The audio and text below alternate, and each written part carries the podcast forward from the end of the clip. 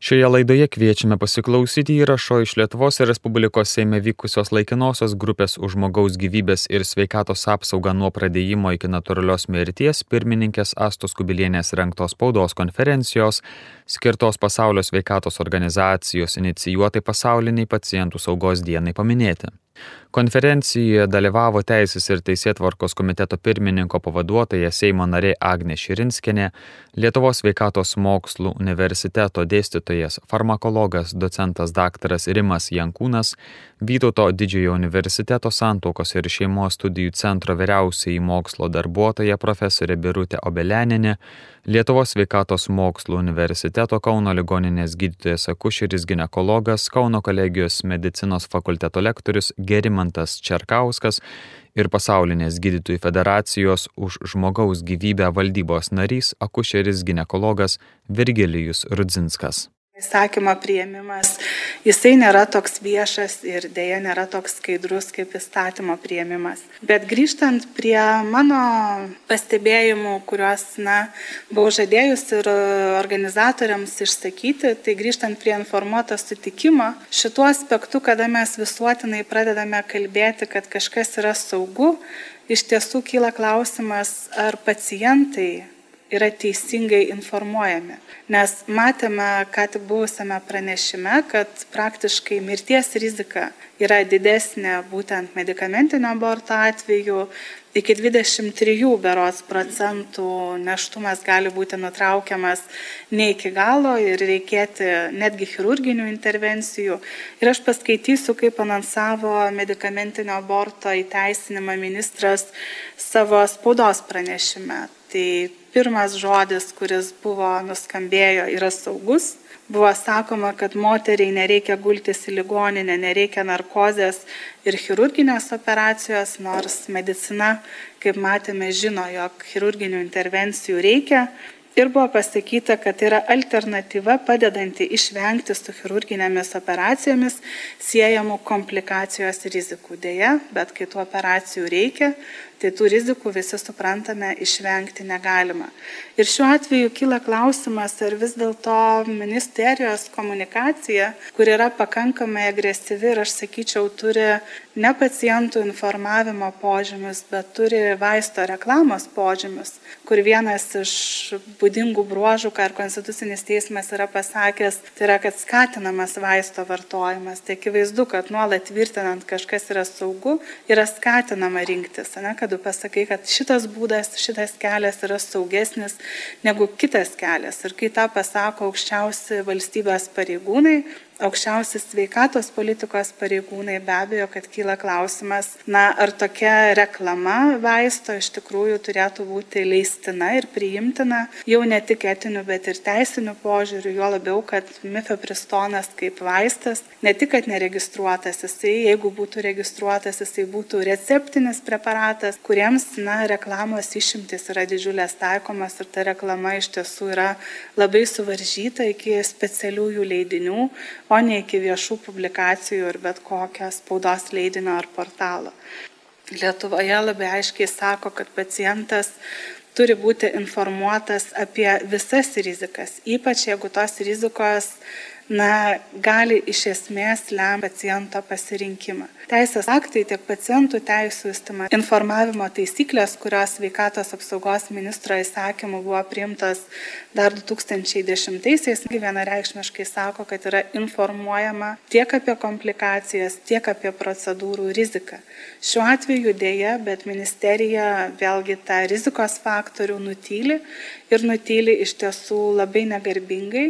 Dėl to kyla, na, iš esmės didžiulis klausimas, o kaip bus, kada mifepristonas su mizoprostoliu bus naudojami klinikinėje praktikoje, kada, na, kyla klausimas, kiek gydytojai tada paseks ministro komunikacijos liniją, nes iš ties matome ir iš anksčiau Lietuvoje darytų apklaustų, kad kartais medikai yra nutilė, linkę nutilėti tam tikrą nepalankę informaciją apie vaistą. Kiek aš esu skaičiusi anksčiau darytas apklausas, tarkime, dėl kontraceptikų vartojimo daromos žalos, tai vėlgi ir tuo atveju buvo linkstama, apklausose medikai tą pripažįsta, linkstama nepasakyti visos informacijos, suprantant, kad pacientė gali nepasirinkti. Tai šiuo atveju mano didžiausias nuogastavimas yra ne tik ministerijos komunikacija konkrečiam pacientui, išreiškiant sutikimą konkrečiai procedūrai. Ir kiek tas paciento sprendimas, mes medicinoje sakome, kad visi pacientų sprendimai turi būti autonomiški, tai kyla klausimas, kiek tas paciento sprendimas turint viešojoje erdvėje apgaulingą suformuotą nuomonę ir įvaizdį ir turint galbūt mediko kai kuriuos nutylėjimus, iš tikrųjų bus ir autonomiškas, ir informuotas. Ačiū gerbiamą kolegę. Taigi, kaip vaisto pristatymas apibūdinimas, e, reklama ir terminologinės linktis keičia e, paciento pasirinkimo kryptį. Apie tai Vytauto didžiojo universiteto santokos ir šeimos studijų centro e, vyr mokslo darbuotoja profesorė Birutė Obelianinė. Prašau. Labadiena, gerbėmi konferencijos dalyviai. Ir kaip jau girdėjote prieš tai buvusiam pranešime, šiuo metu žiniasklaidų ir socialiniuose tinkluose, sakyčiau, vyksta tam tikra medicamentinio aborto rinkodarinė kampanija. Visi pasisakantieji asmenys naudoja tos pačius terminus, kurie tapė jau štampais. Saugesnis būdas, medikamentinis abortas, saugus abortas, moteris turi teisę rinktis, mokslo įrodyti ir panašiai. Kampanijos dalyviai puikiai valdė propagandinę techniką, nori pakeisti žmonių mąstymą, pakeisk kalbą. Apie neštumą įprasta kalbėti ne tik viešoje vietoje, bet ir mokykliniuose vadovėliuose kalbėti tik neigiamai. Nenorimas, nelauktas, neplanuotas, apsisaugoti nuo neštumo, vengti neštumo ir lytiškai plintančių lygų. Neštumas tampa tiesiog nepatogi moters būsena, kurią reikėtų nutraukti. Tačiau vartojant, kalbant apie abortą, vartojama pozityvi nuostata - saugus abortas. E, moterim žodžio saugus abortas dažniausiai asocijuojasi su neigiama pasiekmių nebuvimu, jūs apie tai jau girdėjote. Tačiau saugus abortas termino, saugaus aborto terminas to ne. Pasaulinė sveikatos organizacija yra suformulavusi nesaugaus aborto terminą ir tumo nutraukimas, kurį atlieka žmonės neturintys reikiamų įgūdžių arba aplinkoje, kurioje nėra minimalių medicinos standartų ir vien arba ir viena ir kita. Taigi saugus abortas niekaip nesisėja su pašaliniais reiškiniais, o saugus abortas yra tai, kad atliekama medikas turintis tam reikiamus reikalavimus ir įgūdžius ir medicinos įstaigoje, kurie atitinka nors minimalius reikalavimus. Tai šiuo atveju sugretinus saugaus ir nesaugaus aborto su Lietuvos Respublikos baudžiamojo kodekso neteisėto aborto savoką mes rasime panašius terminus tai yra neteisėtas abortas yra tas kad kurį atlieka asmuo neturintis tam reikal reikalingų įgūdžių ir reikalingų pažymėjimų ir tai atliekama ne medicinos įstaigoje. Taigi šio nesaugus abortas yra neteisėtas abortas arba nelegalus abortas. O saugus abortas yra legalus abortas pagal pasaulinę sveikatos organizaciją. Tačiau pakeitus žodį legalus į saugus nėštumo nutraukimas tampa labiau priimtinu. Juolab kad pats nėštumas yra ne kažin koks gėris kaip jis yra pristatomas kalbant apie medikamentinį abortą šiuo metu sakyti jog jis saugus ar saugesnis metodas tai yra dviguba netiesa nes metodas neįteisintas vadinasi jis nėra yra nelegalus o vertinant pagal pasaulinės sveikatos aborto pasaulinės sveikatos organizacijos nesaugaus aborto apibrėžimą tai medikamentinis abortas labiau atitinka nesaugaus aborto apibrėžimą nes vyksta vyks ne medicinos įstaigoj o moters namuose kuri gali neatitikti minimalių medicinos reikalavimų. Pasaulinė sveikatos organizacija suformulavo penkis kriterijus saugaus medikamento. Ir pirmas iš jų yra jie yra skirti pacientui ir pacientui ir ir gydytojui ir pirmas iš jų yra pacientui skirtas žinok viską apie preparatą. Kaip jisai veikia kokie yra pašaliniai poveikiai ir ar yra alternatyvos. Tai priklauso prie pirmo kriterio prie pirmo požymio šitie kriterijai. Taigi kalbant apie medikamentinį abortą pirmiausia vengiama įvardinti kas iš tikrųjų pasišalina iš moters išgėrus abortuojančias tabletes. Moteris pavyzdžiui panorėjusi sužinoti kaip veikia mifepristonas medikamentinis abortas sudarytas iš dviejų preparatų. Ir pavyzdžiui atsidariusi klinikos internetinį puslapį jinai randa jog moteris nėštumas nutrūksta ir ji tiesiog jį iškraujuoja. Moteris iškraujuoja nėštumą. Arba nėštumas nutrūksta savaitę. Arba gali išgirsti iš medikų pavyzdžiui pasišalina nėštuminiai audiniai. Taigi pažvelgus į įvykius šiek tiek plačiau nei vien lietuva. Turėčiau pasakyti kad du tūkstančiai dvidešim pirmaisiais metais jungtinės amerikos valstijų maisto ir vaistų agentūra pakeitė rizikos įvertinimo ir mažinimo strategija, kuri yra skirta medikamento abortui skirta vartojimui. Ir ankstesnio šios strategijos versijoje buvo griežtas reikalavimas. Medikamentinį abortą sukeliantis preparatai gali būti išduodami tik klinikose, tik gydytojų kabinetuose ir ligoninėse, sertifikuotos sveikatos priežiūros paslaugų tiekėjo, teikėjo arba jam prižiūrint. Naujoje 2021 versijoje šis reikalavimas yra pakeičiamas Vaistinės išduodančios preparatą turi būti sertifikuotas. Kitaip sakant, keičiamas paslaugos teikėjas iš sveikatos priežiūrų į vaistinės.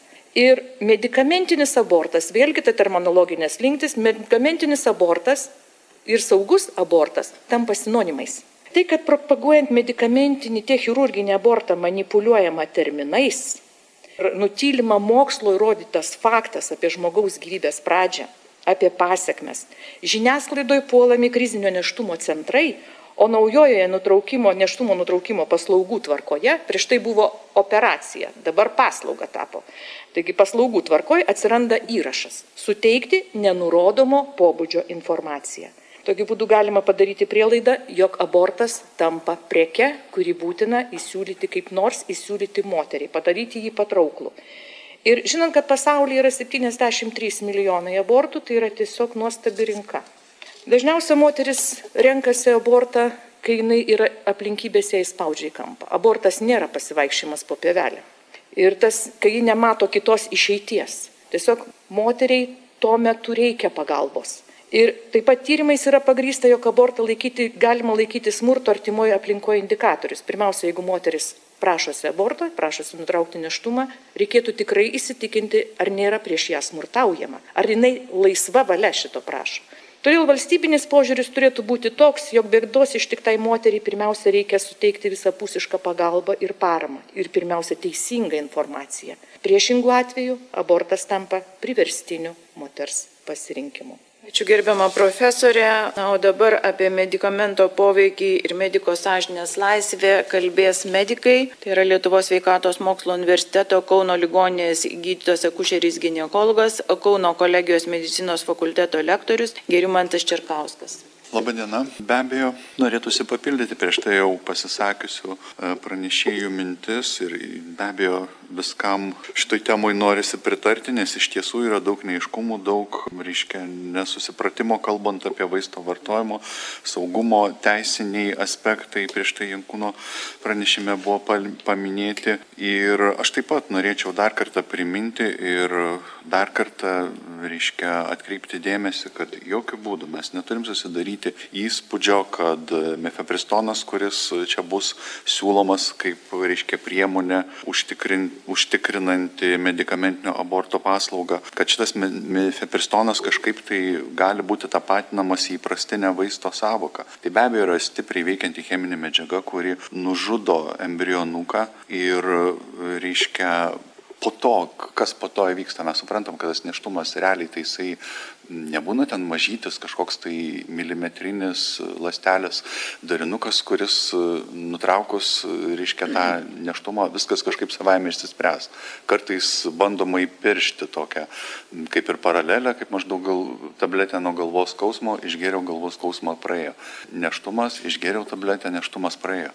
Deja, ne. Reiškia, neštumas gali būti ir 6, ir 7, ir 10 savaičių e, dydžio tai reiškia pakankamai jau didelis embrionukas ir e, reiškia šito būdu jisai niekur neišgaruos, nutraukiamės jį, bet po to praeis tam tikras laikas - 2, 3, 10 dienų, savaitę, o literatūrai rašo, kad ir iki mėnesio, jeigu mes nieko nedarysim ir stebėsim tą moterį ir iki mėnesio, gali būti kraujavimas, tepliojimas, tas nuolatinis stresas, vaikščiojimas su ta mintim kreiptis, nesikreipti į medikus. Mes paraleliai turim tokią pat medicinę praktiką, naudodami tą medicamentinio aborto vieną iš dalį, e, reiškia, mizoprastolį, citoteką.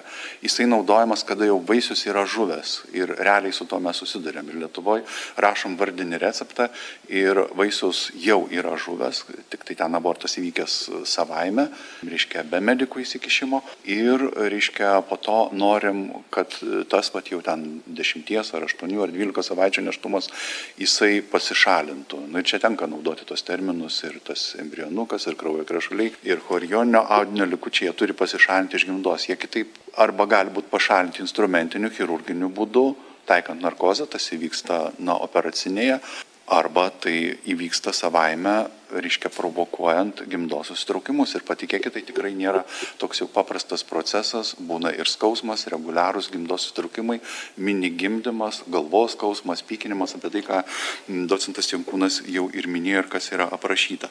Tai šitą suprantant, reiškia mes žinom, kad reikalinga medicinė priež, priežiūra, kaip ir chirurginio neštumo antraukimo atveju, taip ir šituo gali būti ir infekcinės komplikacijos, gali būti introbembo metabolinės komplikacijos, gali būti gyvybei pavojingi kraujavimai. Ir vienas dalykas, kada šita procedūra, tarkim, atliekama gydymo įstaigoje ir pacientė yra prižiūrima ir jai didesni šansai, kad bus suteikta medicinė pagalba. Visai kitas dalykas, jeigu mes tą vadinamąją ministro įsakymą nurodytą paslaugą teiksim kažkur tai namuose, prieimas prie, reiškia, e, gydymo įstaigos, savalaikės pagalbos suteikimas. Tai bus papildomas krūvis e, sveikatos priežiūros sistemai. Ar to reikia, ar nereikia, mano nuomonė, tai ir tikrai yra nesaugu ir tikrai yra netidirbta, daugybė klausimų neišanalizuota ir, reiškia, daugybė mano kolegų, kiek tenka bendrauti, tikrai jokio džiaugsmo nemato šitame įsakymė ir jokio poreikio nejaučia. Mes dabar turėtume bėgti ir tą mefepristoną, kaip kitos šalys, įteisinti ir tipo turėsim piliulę nuo neštumo. Tai tą svarbiausia visuomenė ir suprasti kad nebus čia tokia paprastos piliulės nuo neštumo, tai yra sudėtinga, reiškia, medicinių priemonių sistema, kuri vis tiek įvardinama neštumo nutraukimu su visom tom pasiekmėm. Ačiū. Gerbiamas kolega, dabar kalbės Pasaulinės gydytojų federacijos už žmogaus gyvybę valdybos narys, akušeris gynekologas Virgilijus Rudzinskas. Padiena. Kas ta federacija, kurią atstovauju? Pasaulio šalise gydytojai, kurie oponuoja iš viso abortui kaip pačiai, pačiam reiškiniu, jungiasi į federaciją ir Lietuvoje yra tikrai nemažai bendraminčių. Lietuvos toje galiojanti tvarka, tai yra akušerio gynekologo gydytojo norma yra parašyta, jeigu gydytojui abortas prieštarauja jo įsitikinimam, gyvybės nutraukimas yra jam neprimtinas, jisai tame gali nedalyvauti. Ir tai yra pozityvu, nes mūsų netgi studentai, rezidentai, kurie Lietuvoje yra rengiami šiai specialybei, turi teisę nuo pat pirmų studijos dienų nebedalyvauti šitam visam procese.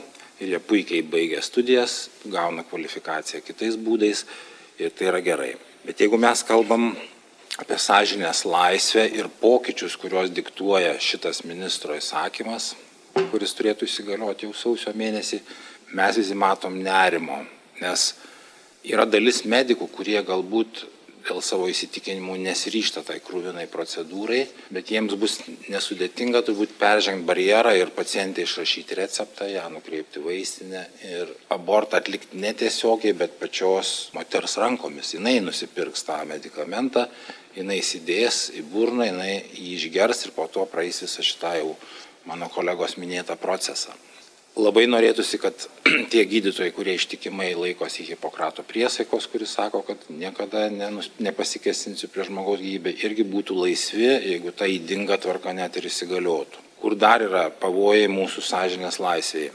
Aš tiesiogiai, tarkim, netlieku abortų, kaip ir nemažai mūsų kolegų, nerašau receptų, bet ateinu į būdėjimą ir mano būdėjimo metu atvyksta iš namų moteris kraujuojanti, kur aš turiu stabdyti kraujavimą. Galbūt į poliklinikoje dirba kitas mano kolega, nežinios kankinama moteris ateina pasidaryti ultragarsinio tyrimo, kurio reikia ne vieno to aborto metu, gali tas kelias dienas užtrukti visas procesas. Reiškia, mes netiesiogiai vėlgi esame įtraukiami į šitų įvykių grandinę, kas yra absoliučiai draskantis faktas mūsų sąžiniai. Tiek nerimo pasėja, reiškia, ta nauja tvarka. Kitas dalykas, ką norėčiau pabrėžti, kad 94 metais sveikatos ministerija lik ir perleido iki tol galiojusi sovietinį abortų įsakymą. Tada dar supratom, kad mes nepasiruošę dideliem pokyčiam. Dar nesenai praėjo, kai išsilaisvino, bet 2022 metais vėl palikti tą nuostatą, kad savo noro moteris gali nutraukti 12 savaičių neštumą yra jau protų nebesuvokiami dalykai. Mes tiesioginiam darbe 12-13 savaičių neštume atliekam ultragarsinius tyrimus tiem vaisiam ištirt. patikėkit, dabar turim tokią įrangą, tokią kvalifikaciją, mes matom 12 savaičių vaiko vidaus organų, galūnės, širdies elementus, svarbiausias struktūras. Šeima atėjus tokiam tyrimui išpūtus, sakys, žiūri displėjų, ekrane mato savo vaiką negimus ir aš tik modeliuoju situaciją, kad kita moteris atsidūrus sudėtingoje situacijoje, krizėje kreipsis į medikus ir įstatymas leis, atsiprašau, vėl sakau įstatymas, bet tai yra įsakymas kol kas, leis nutraukti tokio išsivyščiusio brandaus, sakykime, vaiko gyvybę. Aš manau, kad tie pokyčiai medicinoje, moksle, jie turėjo diktuoti, kad būtų peržiūrėtas tas viršutinis laikas, kada iš viso kalbam apie abortą ir to nėra padaryta. Dabar kitas aspektas, kad medikas tikrai e, peržengs barjerą ir parašys receptą, yra faktorius, kuris galbūt ir didins tų abortų skaičių. Jis netlieka aborto, bet jis nuo savo galvos, ar šeimos gydytojas, greičiausiai, kad tai bus akušeris gynekologas, nukreips tam savaime vykstančiam abortui moterį į namus. Moteris irgi yra suinteresuota, kad viskas tas vyktų slaptoje. Jie irgi yra mažas džiaugsmas kreiptis į medikus, praeiti tą visą chirurginio aborto grandinę. Ir vienas ir kitas faktorius gali diktuoti, kad šitų abortų iš viso padaugės. Mes kalbam apie šalį, kurioje paskutiniais dviem metais vaikų gimė 7-8 procentais mažiau. Per karantiną visi prognozavo, kad galbūt kaip tik taip gimstamumas padidės, bet mes esam tokioj bėdoj, tokioj krizėje čia Lietuvoje. Ir bet kokią priemonę, bet kokios pastangos kažką paprastinti, padaryti prieinamų, kaip šiuo atveju medikamentinis abortas yra sveikų protų nesuprantama. Esam įstaigoje, kuri diktuoja politinę tvarką šitoj valstybėje ir aš manau, kad ir dėkoju tiem politikam, kurie girdi mus kalbant, o medikų nerimą pabandžiau išdėstyti trumpai. Tai labai dėkoju uždėmesi. Ačiū. Reaguoti į jų, į jų tos nuogastavimus ir, ir tikrai imtis priemonių, bent jau suteikti informaciją moteriai. Nes kaip čia teisingai e, labai pastebėjo ir gerbimasta pradžioje įvedė į mūsų temą, e, tai nėra tik vien laisvas pasirinkimas, tai gali būti ir didelio spaudimo pasiekmė. O dar mes paliekame moterį, kaip aš suprantu, ir galbūt čia medikai atsakys, pačiai kovoti su pasiekmėmis. Todėl, kad tu pasirenki pati laisvai, paprašai, tau išrašo, bet vėliau tu pati ir atsakai už tas pasiekmes, kurios gali būti labai liūdnos, o netgi ir kainuoti pačios moters gyvybę, nes neaišku, kaip sureaguos organizmas į šį preparatą. Aš tiek trumpai ir medikai, manau, labai teisingai viską sudėliojo.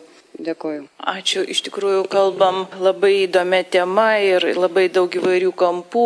Ir iš tikrųjų, na ir sėdinčio toje konferencijoje tikrai ateina mintis, ar tai iš tikrųjų yra vaistas, ką jisai gydo, ar mes tikrai daiktus vadinam tikrais vardais, Tai jums irgi tikriausiai teko skaityti, kad kai kuris vadinamas cheminiu abortu, kadangi tai yra cheminė medžiaga. Ar tai iš tikrųjų vaistas, jeigu jisai žudo, o ne, ne kažką tai gydo?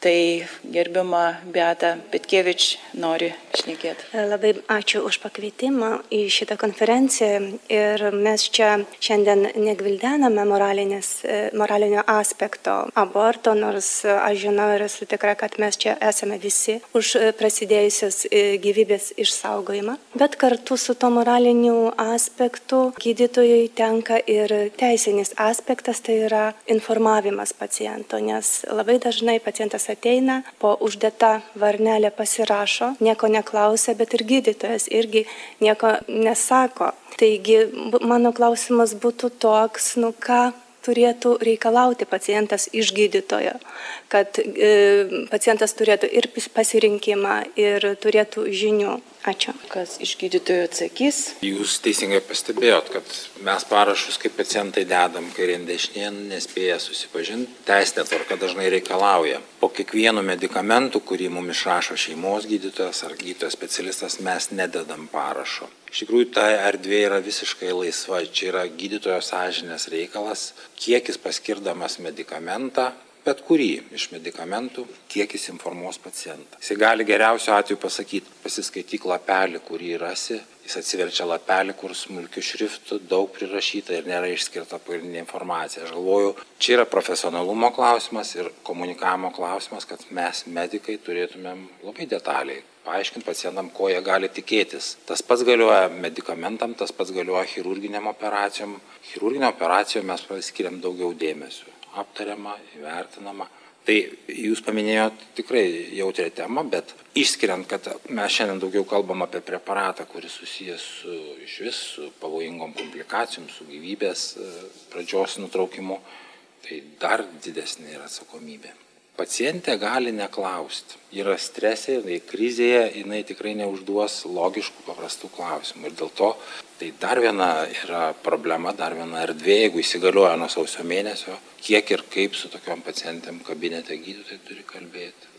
Ačiū, gerbamas gydytojas. Iš tikrųjų, klausimas be galo platus ir ką gydytojas mini, kad tai yra profesionalumo pareigos klausimas, bet aš pridėčiau dar ir interesų konflikto klausimas. E, jeigu gydytojas atstovauja kažkokią vaistų firmą, mes žiniasklaidoje nuolatos skaitome apie įvairius atsitikimus, kaip proteguojami tam vienokie ar kitokie vaistai, tai iš tikrųjų mes neturėtume pamiršti ir šito aspekto ir, ir turėti tam tam tikrus saugiklius, kurie užkardytų tuos dalykus. Gerbiamas Linas Kukuraitis mūsų konferencijoje. Už šią konferenciją dėkui Asta, dėkui kolegos, beklausant jūsų, man tik tai vis labiau iškėja ir vis labiau stiprėja suvokimas, kad tas įstatymo projektas, kurį mes pateikėm su kolegomis apie informavimą, prievolę medikams informuoti moteris atėjusias su krizinio neštumo situacijoje apie, apie galimas krizinio neštumo paslaugas. Dėja, pati krizinio neštumo savokai nėra apibriešta ir čia turbūt reiktų mums visiems suremti pečius ir, ir, ir, ir apibriežti tam, kad galėtume labiau susikalbėti, nes jeigu mes ne, neapibrėžiam, tai tada reikia išskaidyti, kokie tai yra atvejų, tų atvejų patenkančių, galbūt galimai krizinio neštumo savokai yra įvairių. Tai aš tik tai paminėsiu ten tą siūlomą įstatymo projektą, kadangi jis yra iš dviejų sakinių, tai, tai praktiškai visą galiu ir perskaityti ir šiek tiek aptarsiu kritiką jam, kad, kad suprastume, kokiam, kokiam laukia veikiam ir, ir kaip galim atliepti. Tai vienas, tai, tai pats įstatymas skamba, tai pacientas svarstantis neštumo nutraukimą, patyręs persilydimą ar neštumo nutraukimą, tai čia va yra tos trys būklės galimai patek pateksenčios ar, ar, ar patenkančios į krizinio neštumo savoką turi iš sveikatos priežiūros specialisto gauti informaciją dėl krizinio neštumo pagalbos paslaugų teikimo ir konsultavimo galimybių. Šios inf informacijos teikimo tvarką nustato sveikatos apsaugos ministras. Ir čia visiškai reikia pritarti profesoriai Birutėjai Beleniniai, kad, kad tos situacijos, su kuriamis moteris ateina ir pas, pas medikus, jau gali būti, kad padarius sprendimą, kai kurios dar svarstančios, kad tai tikrai yra ne vienareikšmės, tai nėra vien tik moterio apsisprendimo klausimas, nes pagrindinė kritika yra tokia. Vyrai, kurie teikia įstatymą, nesikiškite mūsų moterų reikalus, mes pačios apsispręsim. Bet e, pirmiausia, tai nepritariu pačiai nuostatai, kad tai yra tik moterų reikalas, e, mažų mažiausiai tai yra moterį, ir moteryje bręstančios gyvybės klausimas, bet taip pat ir moters visos aplinkos, taip pat ir tėvų ir, ir visos aplinkos klausimas. Bet net jeigu žiūrėtume iš moters apsisprendimo situacijos, tai kaip profesorė minėjo, kad daugeliu atveju, daugeliu, tikrai daugeliu atveju moteris ateina ne neutraliai pati viena, reiškia, meditacijoje, svarstymuose, apmąstymuose gali apsprendti, bet ateina iš socialinio konteksto, kuris tikrai yra neretai moterį įspraudusi į kampą dėl to, kad ateinanti nauja gyvybė, tai yra keičianti visą socialinę aplinką, tai reiškia ir, ir, ir, ir, ir, tai, ir, ir, ir tėvo, ir, ir, ir, ir motinos santykius, ir neretai tas spaudimas darytis abortą yra ateina iš, iš tų pačių vyrų kur moterų organizacijos turėtų apsaugot moterį tam, kad, tam, kad vyrai nedarytų spaudimo, kad jos, jos apsisprendimui. Neretai tai yra jaunos moteris, ne,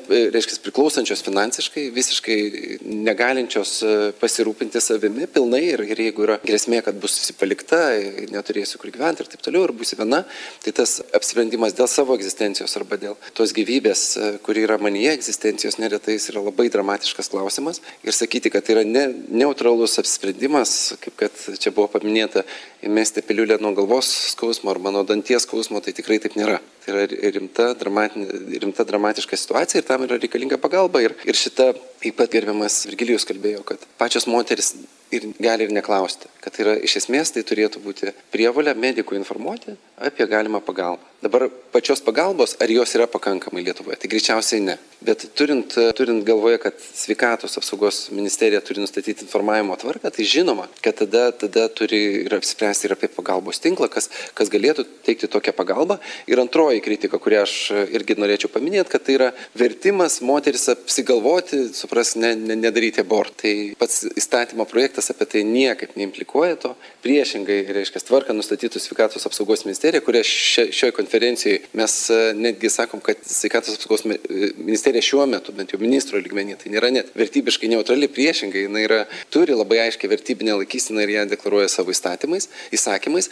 Tai pats įstatymas sako, tai apspręstų sveikatos apsaugos ministerija. Tai mes atiduodam, reiškia, tos sprendimus, pasitikėdami, kad nu, vis dėlto bus surasti objektyvūs, tai krizinio neštumo teikėjai, paslaugų teikėjai ir, ir, ir kad to moteriams bus suteiktos gal, reiškia, vertybiškai neutralios paslaugos kiek tai, kiek tai įmanoma iš vis šitam klausimui būti vertybiškai neutraliu. Bet svarbu, kad, kad moteris turėtų laiką atsiremti, susitikti su psichologais, su socialiniais darbuotojais, tie, kurie galėtų jos, su, su, su, su jos teisės atstu, galimai atstovausiančius žmonės ir kad tas sprendimas tikrai būtų pilnai pamatuotas, o ne iš tos spaudimo situacijos, iš kurios neretai jos patenka. Tai, tai čia mes daug kur dar turėtume padirbėti, pats įstatymo projektas šiuo metu yra svarstomas komitetuose, socialinių reikalų ir darbo komitetas pritarė, sveikatos komitetas dar laukia ir tikiuosi, kad pavyks vienu ar kitu būdu jį priimti ir aišku, žinoma, mums dar daug ką reikia tokios koncepcijos prasme daug kur padirbėti. Ir aš žinau, kad tikrai yra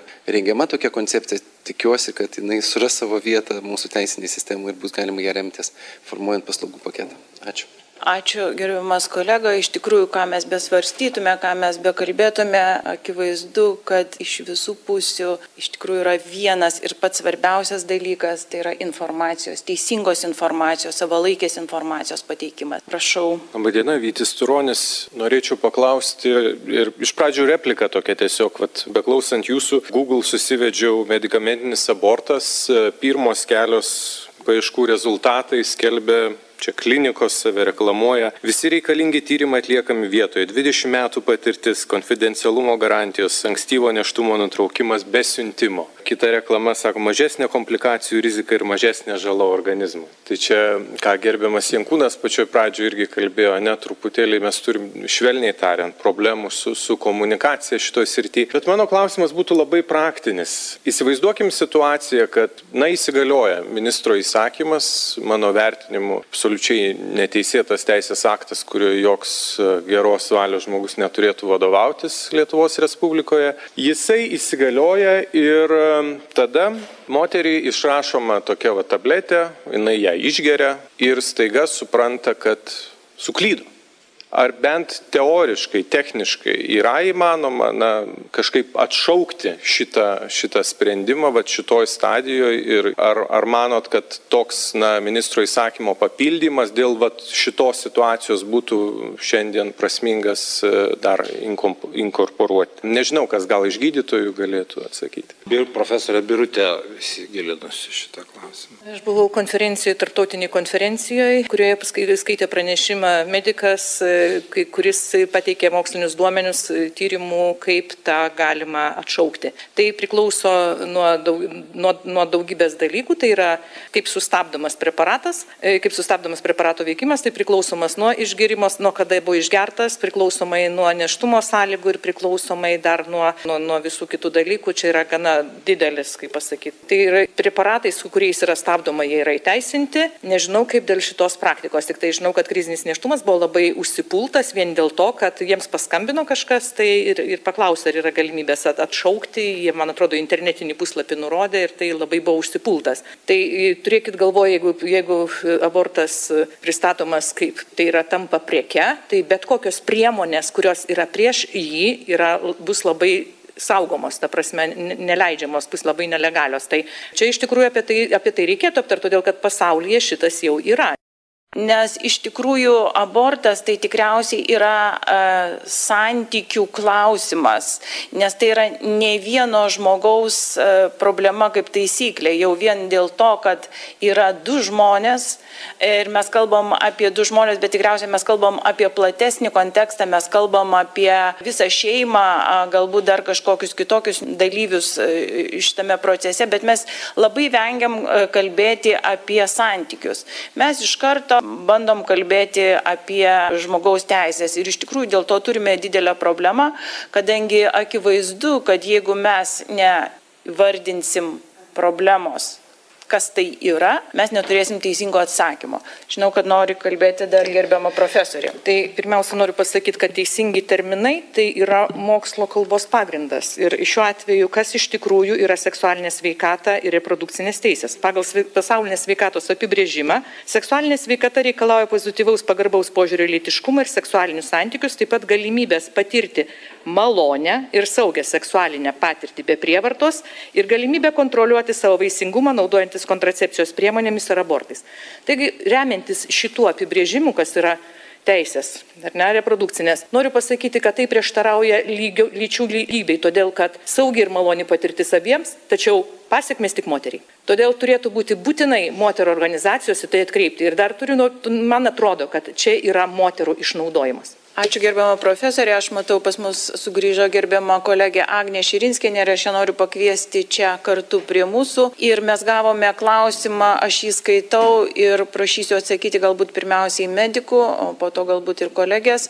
Kaip vertinate tai, kad sveikatos apsaugos ministro patvirtintoje tvarkoje numatyta tai, kad medikamentinis abortas galėtų būti skiriamas ir 14 metų bei jaunesniems pacientėms? Ar tokiu atveju būtų informuojami nepilnamečio vaikščio tėvai, ar yra pakankamai duomenų apie medikamentų apie medikamentų poveikį tokio amžiaus merginoms. Tai prašom gerbėjai. Be abejo, tai yra skausmingi atvejai, bet dėja pasitaiko, kad ir, ir paauglės e, susilaukia tų netikėtų, neplanuotų neštumų ir tada toj kiekvienoje realioje situacijoje sudėtinga spręsti.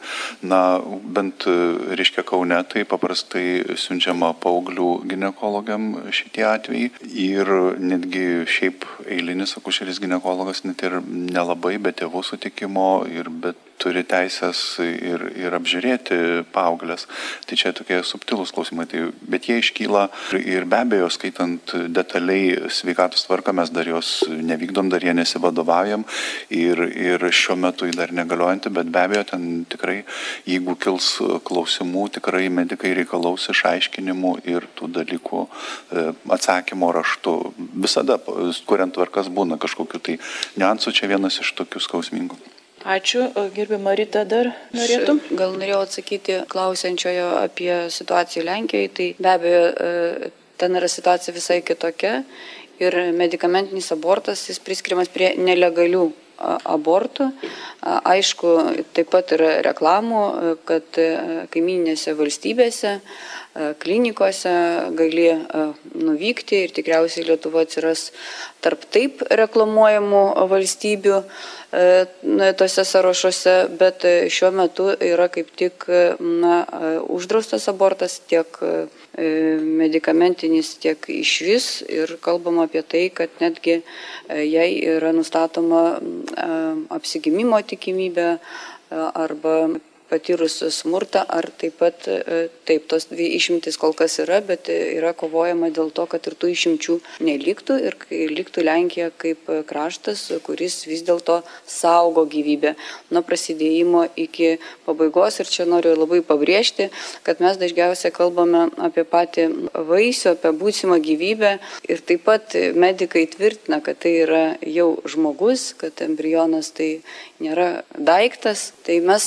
dažniausiai e, nepaisome tų, kurie visiškai nėra jokios galimybės jiems apsiginti savo teisų, jau nekalbant apie moters teisės, bet apie tai, kad e, prieimimi sprendimai tai gyvybei, kurie jokių galimybių ir būdų neturi apsiginti. Tai e, mes vienareikšmiškai visom prasmėm nepalaikome jokių abortų, abortų ir dėl to lab, dar kartą noriu pabrėžti, kad šita konferencija yra labai svarbi, kad ateitų tas suvokimas, kad tai taip pat yra abortas. Tai nėra tiesiog piliulė ir tai nėra problemos sprendimas. Ir kaip čia irgi kolega Kukuraitis pasakė, kad tai taip pat yra ir didelės taip pat psichologinės vėliau lydinčios problemos, nes na, ta intervencija į moters organizmą, jinai palieka mano vertinimu ir fiziologinių gali būti pasiek, bet taip pat ir didelių psichologinių, kur mes vėl atsidūrėme, moters atsiranda mūsų dėmesio centre ir dar paslaugų spektrą mes turėtume dar labiau išplėsti. Tai tokių paslaugų, kurios turi didelės pasiekmes neigiamas, man atrodo, mes turėtume vengti mūsų valstybėje. Ačiū ir dar klausimą dėl, dėl nepilnamečių. Gerbiamą Agnę. Tai Lietuvoje, kaip žinia, tik nuo 16 metų asmenys gali duoti sutikimą medicinos procedūrom. Tai čia klausime 14 metų asmuo yra nurodytas, tai tikrai nuo 14 iki 16 turėtų būti gautas ir tėvų sutikimas, bet bendrai kalbant jau ne apie tai, kas yra civiliniam kodekse ar pacientų teisų ir žalos atlyginimo įstatymą, tai yra ganėtinai rizikinga turėti tokias situacijas, kuomet nepilnametis asmuo gali išreikšti sutikimą ir tame tarpe neštumą nutraukimo sutikimą savarankiškai. Aš tik priminsiu vieną iš pirmųjų medicamentinio aborto aukų, tai buvo nepilnametė Holly Peters, man atrodo, tokia jo, jos pavardė buvo Junktinėse valstijose. Jis ir žuvo dėl to, kad be tėvų žinios atliko mifepristono abortą. Namuose prasidėjo kraujavimas, tėvai nesuprato priežasties, pradėjo vystytis vėliau ir septinis šokas. Tai, na, vėlgi galim klausti, kas būtų, jeigu tėvai bent jau būtų žinoję, galbūt jie būtų sustabdę ir kitas dalykas galbūt jie laiku būtų kreipęsi į sveikatos priežiūros įstaigą ir ta mergina būtų išgelbėta bet jinai mirė. Ir tai yra pavyzdys kas atsitinka kai tėvai nežino ir nesupranta kokia intervencija jų vaikui yra padaryta. Ir labai skausmingas beje pavyzdys paskui jungtines valstijas privertęs gerokai peržiūrėti mifepristono naudojimą Tai gerbiami kolegos, mūsų laikas baigėsi ir man labai norisi tikėti, kad e, pacientų sauga ir būtent vaistų skirimas, teikiant informaciją, vengiant klaidų, paskiriant vaistus, vartojant vaistus ir šitos vyriausybės, šitos sveikatos apsaugos ministerijos prioritetu. Nes, kaip žinote, sveikatos apsaugos sistemos ašis ir yra pacientas, į ką nukreipta visa sveikatos apsauga. Tai ačiū visiems dalyvavusiems. Ačiū už Jūsų dėmesį. Šioje laidoje klausėmės įrašo iš Lietuvos Respublikos Seime vykusios laikinosios grupės už žmogaus gyvybės ir sveikatos apsaugą nuo pradėjimo iki natūralios mirties pirmininkės Astos Kubilienės rengtos spaudos konferencijos skirtos pasaulio sveikatos organizacijos inicijuotai pasauliniai pacientų saugos dienai paminėti. Konferencijoje dalyvavo Teisės ir Teisėtvarkos komiteto pirmininko pavaduotoja Seimo narė Agnė Širinskinė, Lietuvos sveikatos mokslų universiteto dėstytojas, farmakologas, docentas dr. Rimas Jankūnas, Vytauto didžiojo universiteto santokos ir šeimos studijų centro vyriausiai mokslo darbuotoja profesorė Birutė Obeleninė, Lietuvos sveikatos mokslų universiteto Kauno ligoninės gydytojas akušeris ginekologas, Kauno kolegijos medicinos fakulteto lektorius Gerimantas Čerkauskas ir pasaulinės gydytojų federacijos už žmogaus gyvybę valdybos narys akušeris ginekologas Virgilijus Rudzinskas. Likite su Marijos radiju.